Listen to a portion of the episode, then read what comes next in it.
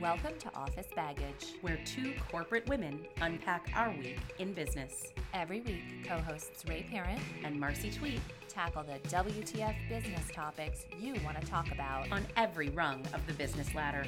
Bring your baggage. We'll unpack it. Today on Office Baggage, we're joined by two incredible female entrepreneurs who are changing the game in nail salons. So today we are joined by Ali and Kim, the owners of Ezza Salon, and we're really excited to talk to you both about how Ezza came about. And I'm super jazzed, I know you are too, to tell our listeners about Ezza. Um, starting in Chicago, but you guys are changing the game for nail care for women, and I think you're going to be in every city in the world soon. So um, I'm excited to be the first, you know, first podcasters to talk to you. Yeah, we're really excited to talk to you. So welcome. Thank you. Yeah. So we are here. It is what day is it? Thursday. It's Thursday. That is the extent of the value I will be adding. L'chaim. Ray just flew in, so we are we are um, clinking glasses, saying cheers to the success of Ezza, and have some champagne. as an empire. Oh, I like that. The Ezza Empire. Yes. It's a matter of time, mm-hmm. ladies. It's good. It's It good. is a matter of time that someone built this idea or started this idea. Mm-hmm. I mean, this idea was really born last year, last October, out of our own personal pain points. Uh, we could not find a nail salon that provided consistent quality with great customer service. I think Um, every woman has had that experience, right? You go to like the corner salon and you walk out with the worst manicure you've ever had, and Well, I think it's not. Yeah, sometimes you work out, you walk out with the worst manicure you've ever had. Sometimes it's great. Unless you can get the same person every time, you have no idea what you're gonna get, and that variability, I think, is really frustrating. Yeah. For especially for the highly scheduled woman like us, mm-hmm. we have everything scheduled in our calendar. We know exactly how much time uh, to allot to all the activities during the day. And for a manicure, for us not to be able to say, okay, it's going to take us 45 minutes or it's going to take us 35 mm-hmm. minutes, it was really hard to plan around that. Mm-hmm. So whether we're experiencing the high variability in that local corner salon or we're going to kind of the luxury spa where you know you're going to get quality, but it costs you so much time and money too. And frankly, Like- that's not always quality either. Yeah. I have gotten Yeah, that's true. eighty dollar, you know, no chip manicures at the highest end sh- salons in Chicago, and it's been awful. and it chipped. So you just don't know. Yeah. You have no idea. Yeah. One of the things that I fell in love with about your original concept is what the salon will look like and some of the bells and whistles it will have. And I send you very annoying emails at like three Not o'clock in the annoying. morning.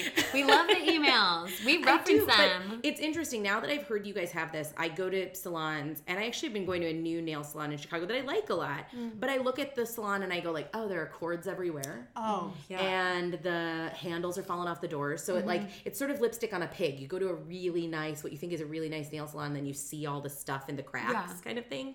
So I know you guys are looking to solve some of that. But talk about just some of the little things that you're putting into the design of the salon that will really be differentiators.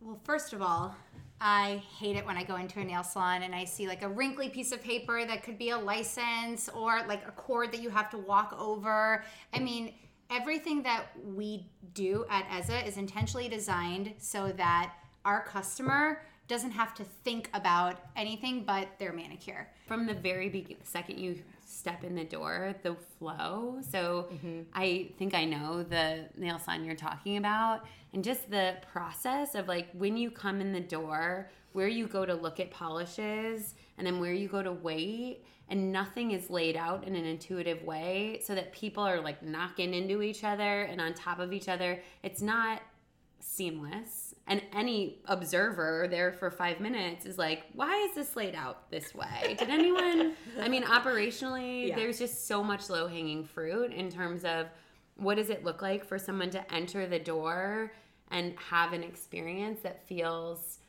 not only seamless but delightful So there's a place for your coat. Mm-hmm. You're greeted by a receptionist. She greets you by name. She mm-hmm. knows that you have an appointment. She knows what color you would like to have. You. There's an online portal, Yes. right, where Yeah. women can choose their color and their mm-hmm. nail shape. So you don't have to tell the person all of that, right? Yes, yes. I mean, and you don't have to debate with your technician about the shape of your nails and what you like and the way you like it. That Or what she likes crazy. for what you. she likes for you in terms of length and why she likes it. So and then so once you actually get inside the manicure room, the manicure station has tech easel, so you can put your phone in there. Uh, all the cords are hidden, so you don't have to walk over them. There's a there's a space for your bag, for your purse. There's nothing worse than I hate when you have to put your bag on the floor. So you have actual custom hooks. Uh, we have Wi-Fi, so you can check your email. You'll have a stylus pen so that you can actually like click on your phone if you have gel clips on. So it really is an experience where everything is thought of for you and you're allowed to kind of relax. You're allowed to use that time however you want to use that time, whether it's listening to a podcast, this podcast, Office Baggage,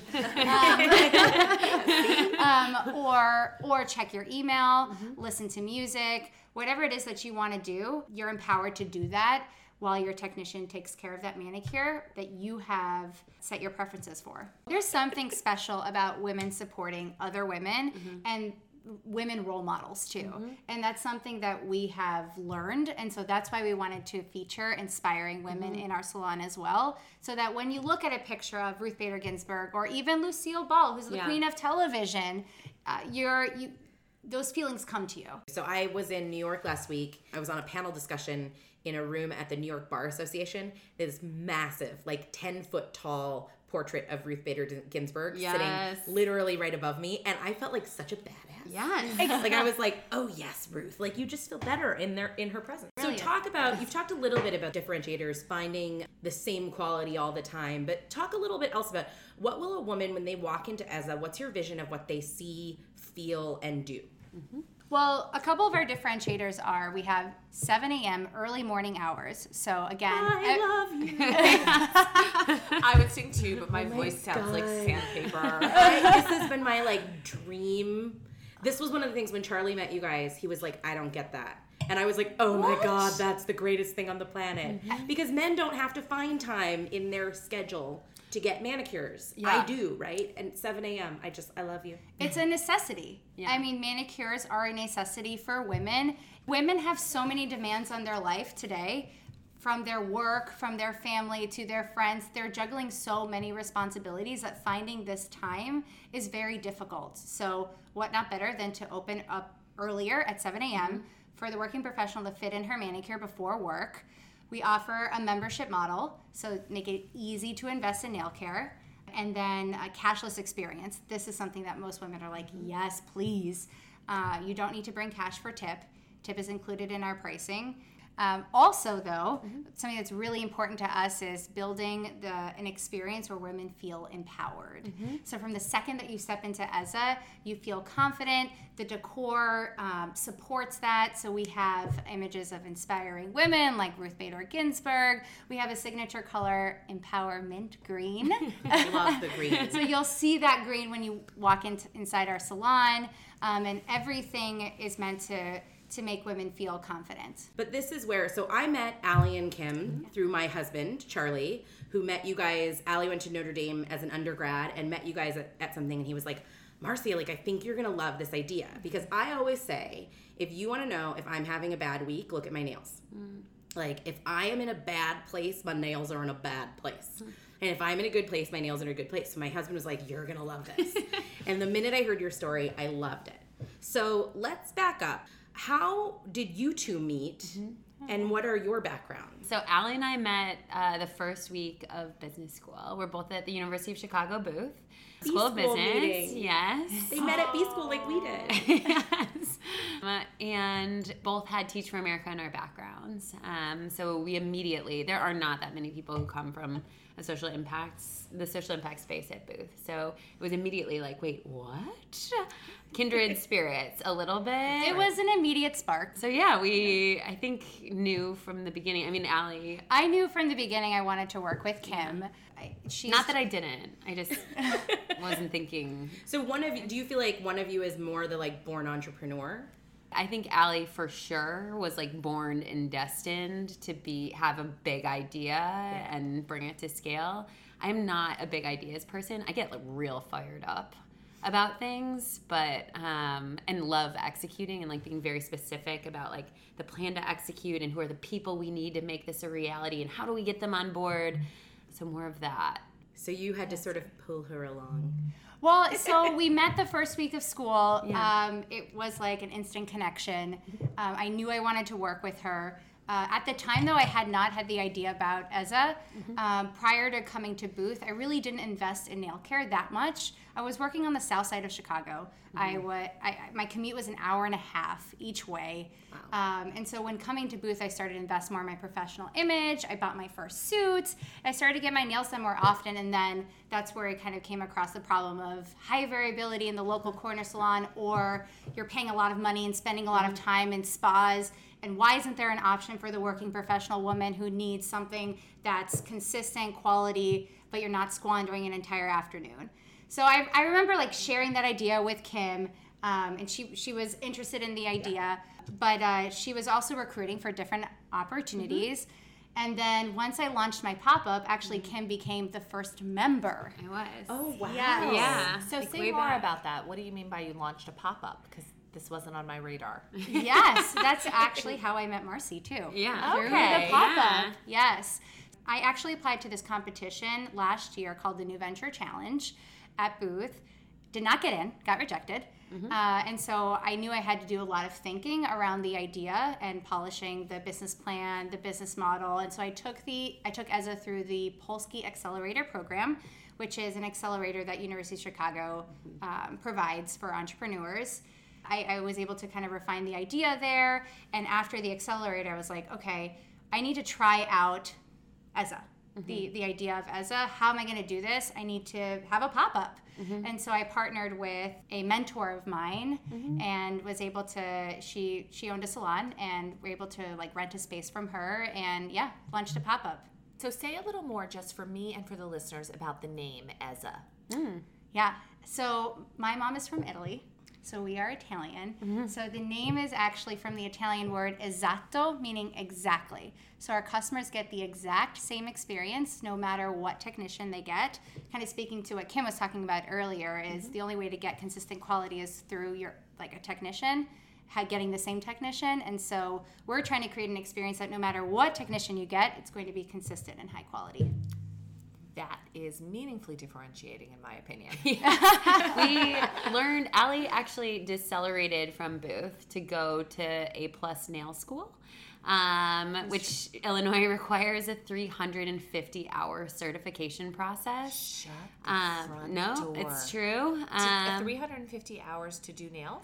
You legit need more hours of training to do nails than you do to drive a taxi or a car in general in this town, which is crazy. And moreover, those 350 hours are not quality training. She, I mean, we both, I mentioned before, did Teach for America, come from a background of like really thinking critically about what does it take in order to teach and for someone to truly be competent. Um, and there, at no point in those 350 hours were students getting targeted coaching on how to perform a manicure. There is no practical component of becoming certified. At no point do you perform a manicure and g- like get given What feedback. are you doing for 350 I mean, hours? sanitation, compliance. reading a textbook to you Wow. That's what school involved. So I like talking to Kim. Yeah, I mean, we got fired up about So that. you so you decelerated from booths. So Yes. that means you slowed. d-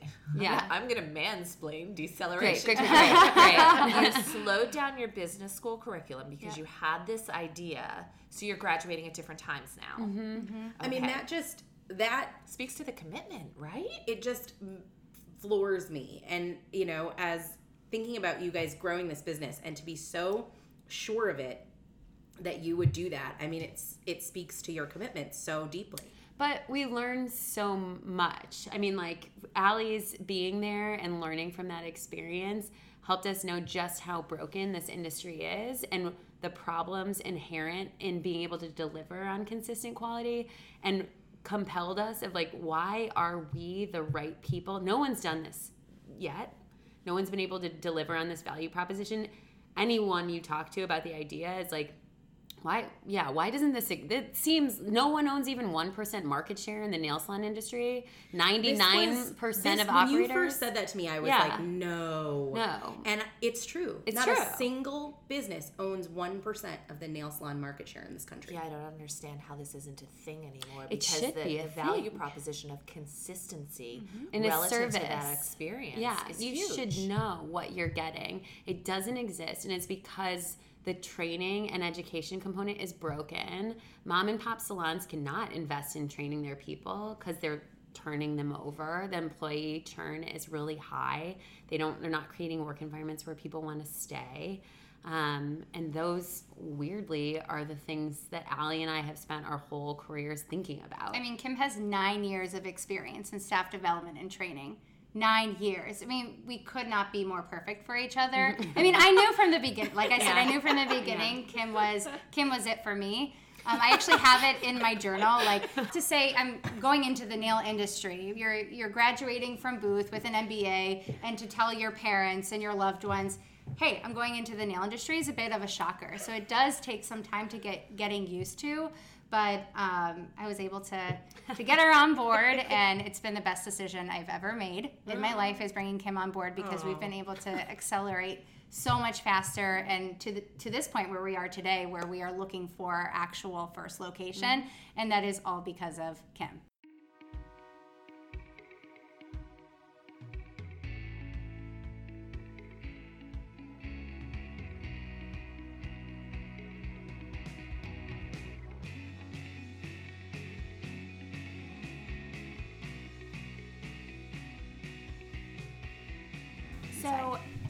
Understand. There was a bit of an expose, I think it was in the springtime of 2015, about the nail industry mm-hmm. in general. I, I think it was centered in New York. And so, you're talking about empowerment of women. Help me understand your thought process relative to are we talking about empowerment of the women who are the clients or who are the technicians as well? How are you thinking about that? So one of our core values is empowering women on both sides of the manicure table. So we absolutely know that manicures help our customer feel feel feel confident and empowered and ready to conquer the world.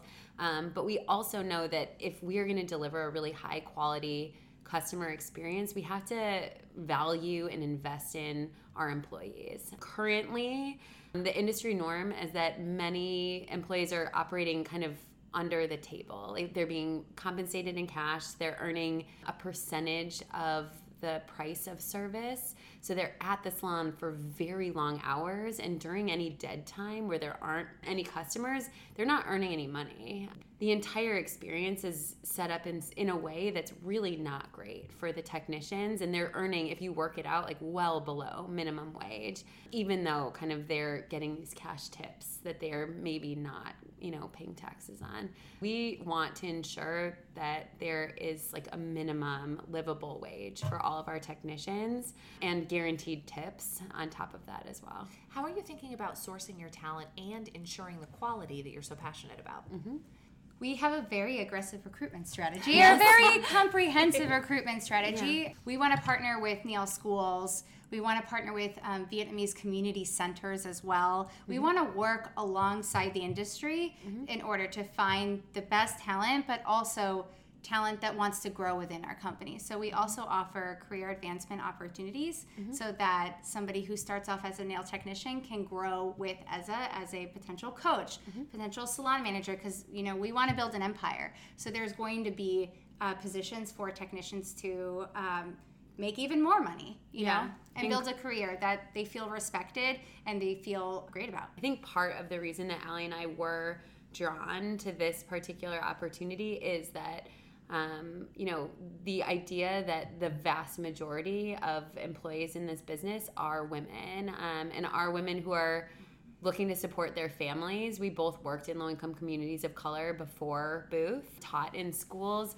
worked with, saw like incredibly talented students graduate from high school who maybe were not on the college track and not have great options um, to go on and support a family. So thinking about being building a business that operates with integrity and then invests in our employees who are mostly women is something that we're both very passionate about.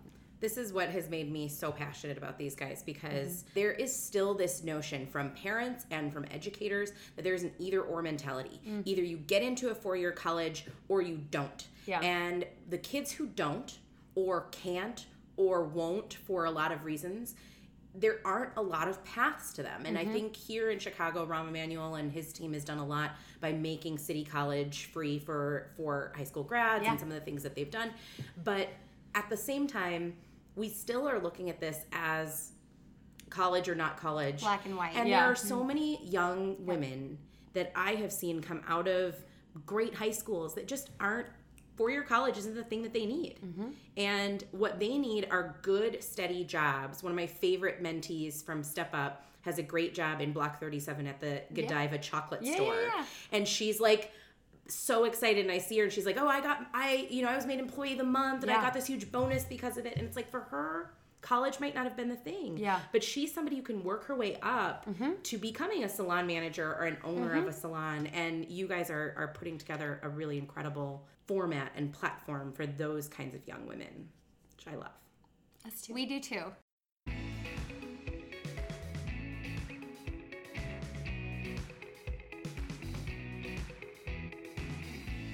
let's talk about some of the nuts and bolts of entrepreneurship because you're you're looking to open your first salon mm-hmm. and that takes a lot of money a lot of boots on the ground a lot of hard work so you've had a lot of options here. Do you go the route of you know friends and family round? Do mm-hmm. you go venture capital? Do you go angel funding? But you've sort of chosen to go this route of kind of competition based funding to start. So tell me about that choice. Is it a choice? Am i right in that or are you still looking at other options? And how do you sort of put together the financial side of getting to that first salon So while we are competing in Booth's New Venture Challenge for some startup capital, we at no point we're relying on it. Um, we think that I mean we have made incredible connections in terms of advisors who can help us grow and scale this business. Um, we actually the president of retail at Drybar has become um, an advisor for us, um, as well as folks who have invested in really big retail concepts. you guys have said i don't know do you hate it when people say you're like Drybar for nails no, we love it. Yeah, i know some people sometimes people hate the business comparison we will not rule out any strategy when it comes Mm-hmm. to raising money. It is so important that we've gone the competition route.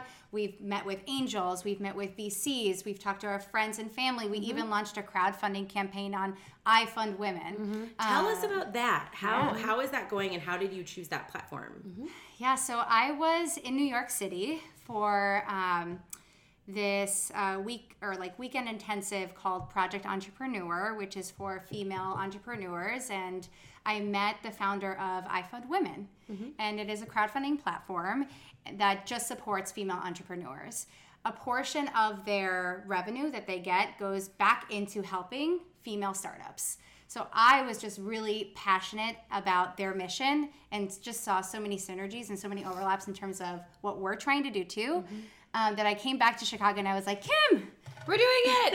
what she, she literally arrived back on Monday morning and was like, "There are big things happening. We need to launch a crowdfunding campaign in five days." And I was like, "What? Say more." here's the plan. But I, it like again, we're not going to rule out any options in terms of raising capital.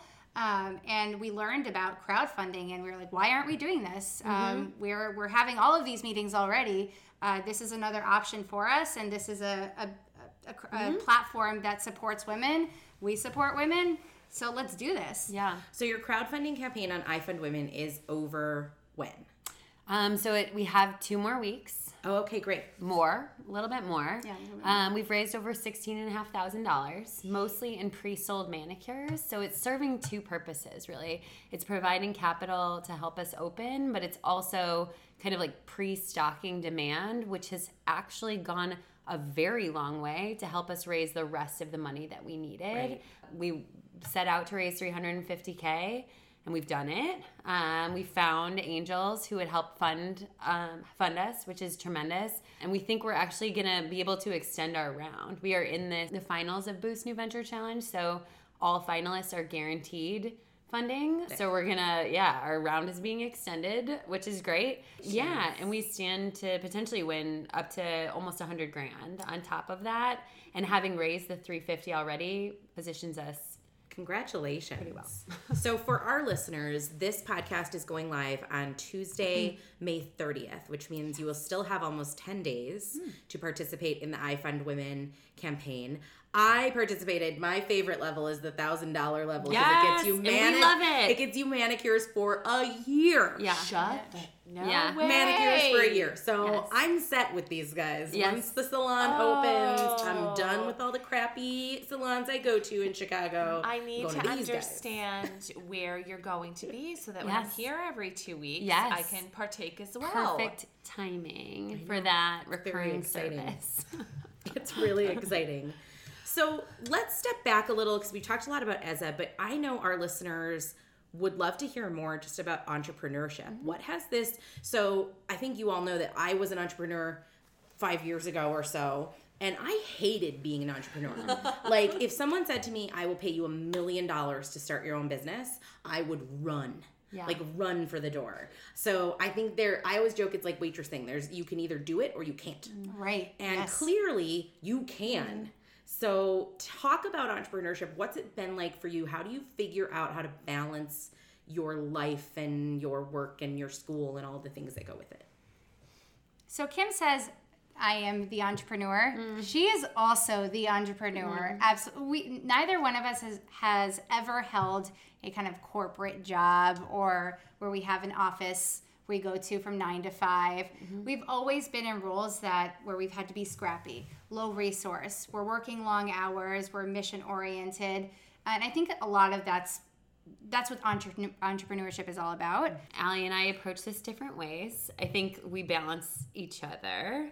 Very um, much so. Very much so in many ways, but just in terms of how we um, our like approach to getting things done. Allie is absolutely a perfectionist and will stay up for as long as it possibly takes to the point where there are diminishing returns on her time that drive me insane. That was my problem as an entrepreneur. I once heard, I think Mark Cuban said it, that the first year of entrepreneurship, you sleep like a baby. You wake up every two hours and cry.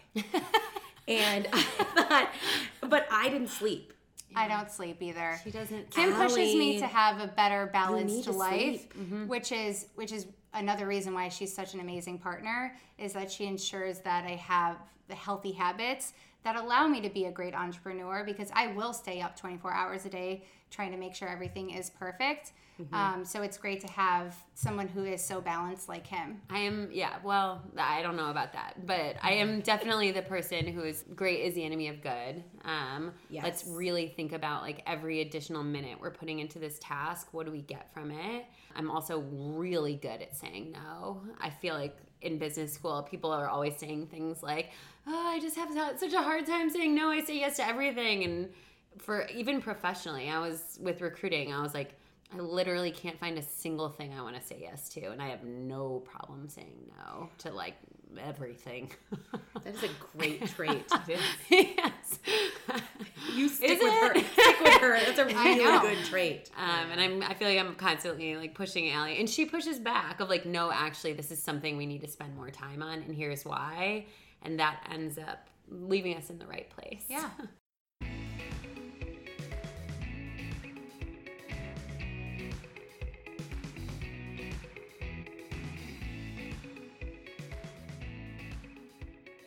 Every week we do Yeah. the week in mansplaining. Yeah. So you have to tell us, like, you have to have been crazily mansplained about some of this stuff. Um, many things. So one big one is just like the immediate response is that we don't understand the, our cost structure, or we couldn't possibly that the margins won't work. There is an assumption that this is not a business that could possibly work, and there's no credibility given in terms of like we've. I mean, we're not just gonna run a chain of mom and pop salons. I mean, let alone do they even under, understand it's a problem? They'll Right. question, well, really? Is variability a problem? And we get that so many times that we're so sick of answering the question. Mm-hmm. Well, we don't even, yeah, we don't even talk about the problem really anymore. We just try to focus on the opportunity because the, the dollar signs is something that is universal. I mean, even from Manny, you know, we talk about getting manis and pedis. Uh, men are like, what's a mani? What? Oh God, the this is one the name of one of our services. The gel manicure is called the Boss, and the regular manicure is called the Hustler. And the number of times that men have been like, "Oh, the Hustler," like a like the like the magazine, the sexy magazine. also, this is an, this is another, but we I wish that I always wish that we had a video for to see Ray's face. when Yeah. she hears stuff like this. There's the first time we got up to present, the first we were, you know, standing as a team in front of a room full of mostly male judges. Um, and there was a comment about our matching outfits. Well, we didn't even match, really. We just wore black, which is. We were just Oh wearing, we just like had agreed we would like wear what we wanted and look professional. And there was, um, it was like a whole thing. And it, I mean, it broke, you know, we laughed it off and it broke the ice. But I was like, how fucked up is it that we got up there and there was a five minute conversation about what we were wearing? Because you've never walked into a meeting room or a situation like that and they're all wearing the same goddamn blue button down. Oh, yeah. I mean, yeah. Oh, I- my I mean, stripes are, are medium and my stripes are fine. Right. Like, the entrepreneurship uh, uniform for men is like black jacket, white shirt, jeans. yeah. Like, come on, guys. That's Yeah. crazy. Yeah. And frankly, there have been times in some of your videos where you did wear matching outfits, and I liked it. Thank you. I appreciated the matching outfits. Thank you. I coordination liked is it. important. It was very aesthetically pleasing. Thank you. Men also do not understand this the salon design and decor. The idea of featuring inspiring women, uh, they think is way too fluffy, uh, way, too Disney park esque, and we're like, no, there is something about seeing a portrait of an, an empowered woman that makes me empowered. They, they don't get it. I think that there's an element also of does Ruth Bader Ginsburg really care about her nails? And I think that what this says to me is she should be able to. Yeah. She should be able to be the badass that she is and still care about her appearance. I think sometimes as professional women, we're mm-hmm. meant to feel like everything should be effortless. Mm. We shouldn't care about what our hair looks like. We shouldn't care about what our nails look like. But the reality of the dialogue is people do notice when you're schlubbily put together. And we do have to carry that extra baggage and we do have to focus on mm. these things. So let's do so in a manner that is respectful of our time. Mm-hmm. Yes, amen. Absolutely. I mean, there is the standard where you need to look professional, but on the other hand, there are men who will make fun of women who talk about going and getting their nails done or getting their hair done. For such a long time, I was known as the nail girl at school in, in a way that people thought that it was a negative thing. And I was like, you know what? We should be able to name this that this is a professional expectation. This is a necessity for women. This shouldn't be associated with bleach blonde, you know, uh, Malibu Barbie type of person. We are professional working women who gradu- who are graduating from Booth, from the University of Chicago Booth. We're confident women, and, and we're allowed to care about our nails because we have to. We're highly motivated to win this competition. If you win this competition, which so you compete next week, when will you find out who wins? Next Thursday, That same day. we are presenting last, um, which we feel great about. Oh, that's good. You know, we had a, a class with Professor Brian Uzzi, who is a genius, a Kellogg genius. I mean, I know you guys are boothies, but is really My husband went to Kellogg. he's really so- great. No, so um, Brian Uzzi does um, leadership in the way of uh, commanding people's perceptions and right. Am I getting Oh. Respect cool. and garnering support and the power of networking associated And he with says that. that, in any competition, job interview, whatever, you want to go last. You always want to go last. And I Yeah. think the idea good. of, of going last and being so incredibly different than what I can imagine is the typical tech focused value proposition, something that is service based. Mm-hmm. I don't know that there's been a differentiator in the service based industry in a really long time. yeah. yeah. No, we feel Dry great. bar. I mean, dry Yeah. bar is the the the last that I can think of. Yeah, but I'm not sure any of those male judges even know that's a thing. No, they don't know. When we talk we- about Drybar, they don't them know. they have no idea. They have no Yeah. idea. So we do have some obstacles to overcome, but we worked very hard to be able to message this to men because that is our reality. That is mm-hmm. who we're talking to on a daily basis. When mm-hmm. we meet with VCs, when we meet with angels, they are men, mm-hmm. and so we've we've had to do it. And the new venture judges are allowed to research, right? They have our business plan. So Okay. whether or not they read our 50 page business plan is Yeah. a question. But they're allowed to go out. I know there are some competitions where they're not allowed to go outside research, but they are allowed Oh, yeah. to sort of mm-hmm. Google around. So hopefully, all of these folks on this thing or researching the model and what's worked. Because frankly, you know, Drybar, she didn't even know she wanted to be a big business, mm-hmm. and and here she is, one of the you know biggest women-owned businesses in the mm-hmm. country, and and blowing it out. So I love it, pun blowing it intended. out. I didn't need to do that. I love Drybar. I'm so excited to post this for our listeners. When is the aim to open in Chicago? Mm-hmm. So as soon as we can secure our real estate location, it depends on build out time, but the aim is October. What does your East Coast expansion plan look like, specifically Northern Connecticut? Okay, interesting. DC, we believe DC or Philadelphia to be our second market. Thank you for remembering that Philadelphia is awesome. A lot of times, I'm a Philly girl originally. oh, a lot nice. of times people forget about Philadelphia. Yeah. It's like the place you stop if you need the restroom No. between New York and DC. Love But it is an amazing city. Yeah. I do think DC is a good next city for you guys, though, Yeah. because No, Philly. I'm trying to DC women, DC women want to get manicures, and frankly, I have tried to get a good manicure in that city, and Yeah. it is impossible. Yeah. Impossible. One of our um one of my now our closest friends who has really like been helped us so much in the business um, is in DC and is very passionate about us coming to DC as soon as possible. That's great. Yeah. So settle an argument for us. Okay.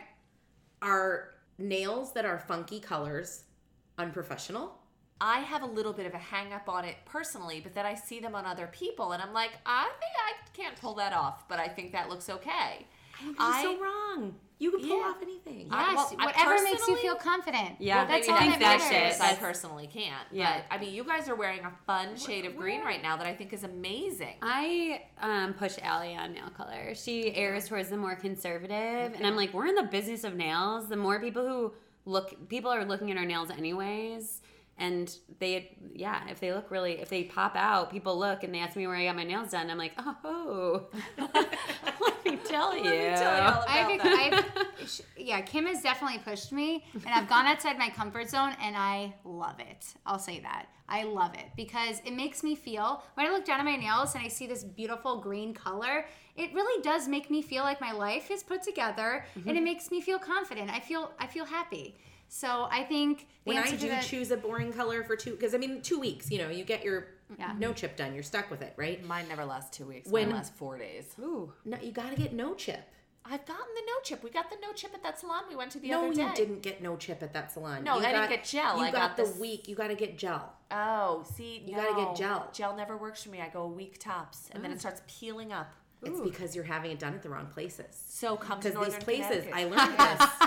I learned you these places they pour stuff in their their gel to make it last longer, and they do all Oh, kinds of stuff. really? Yeah, it's bad. It's bad. It's really Which is why I like this place I've been going to in Chicago. But don't worry, Don't I'm worry. still loyal. but I like them. But I think the reason I like them so much is because all their product is new. Mm-hmm. Because they're generally new, so Yeah. they haven't had the chance to like pour acetone into all their stuff yet. Yeah. You know, so they're still they're still good. Should I be the person that like remember when, or are you guys too young? Like remember about seven to ten years ago, it was a craze to bring your own salad dressing to restaurants. Like, should I bring my own gel healthy nail salad, polish yeah. Should. to the shitty People nail do it. salons? You and- actually People should. do really? Yeah. I mean, I've seen them bring like a favorite Essie color or a favorite OPI color because sometimes you don't know what's going to be on the wall. But like, so bringing gel isn't obnoxious. I mean, people do it. Mm-hmm. I know a lot of people who bring their obnoxious question, own but- I know a lot of women who are super into organic and mm-hmm. and non-chemical and bring their own Zoya. Yeah. You should never feel bad about doing something that you want. right. A nail salon or a nail technician Sorry. should never make Not- you not feel sorry. Exactly. that is the whole point of having your customer profile, saving your nail care preferences, so that you dictate what your manicure looks like rather than your technician. There's mm. nothing worse than feeling like your your your technician is judging you or telling you what's best for you. You know what's best for you. Women have their own voice. They should be allowed to express it. And so bring your own gel polish if you want to bring your own gel polish. One of the reasons that I don't get manicures very often is because there is there is a problem with quality where I'm where I'm from. There's just not a lot of options, and mm-hmm. it's definitely hit or miss. But I went. I decided I had an event. I did, and it was this was good two or three years ago, and it was in the spring.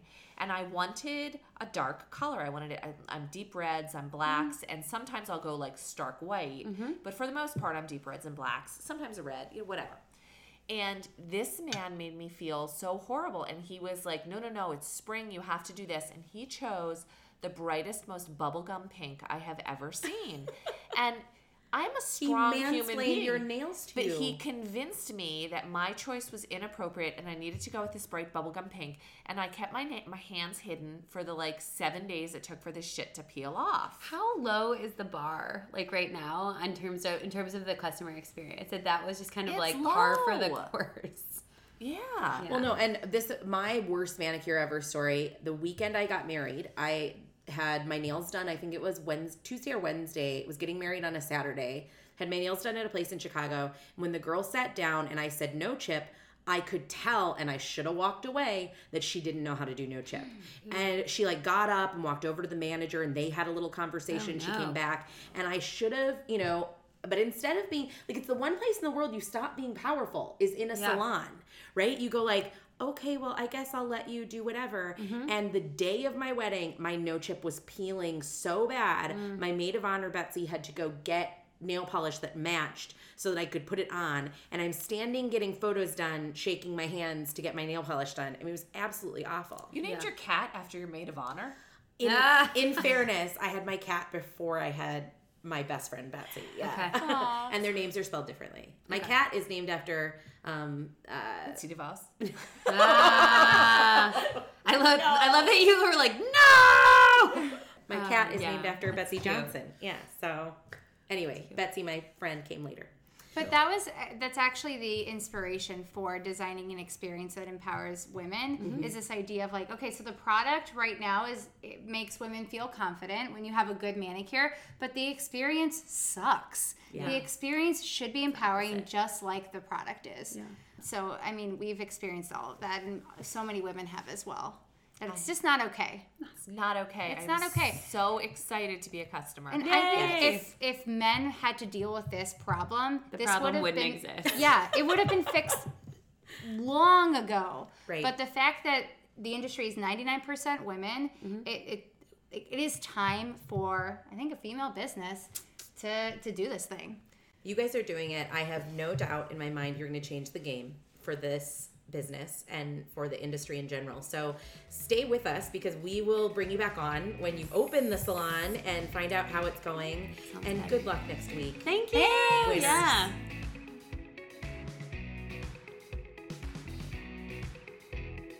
Thanks for joining us today and every Tuesday on Office Baggage.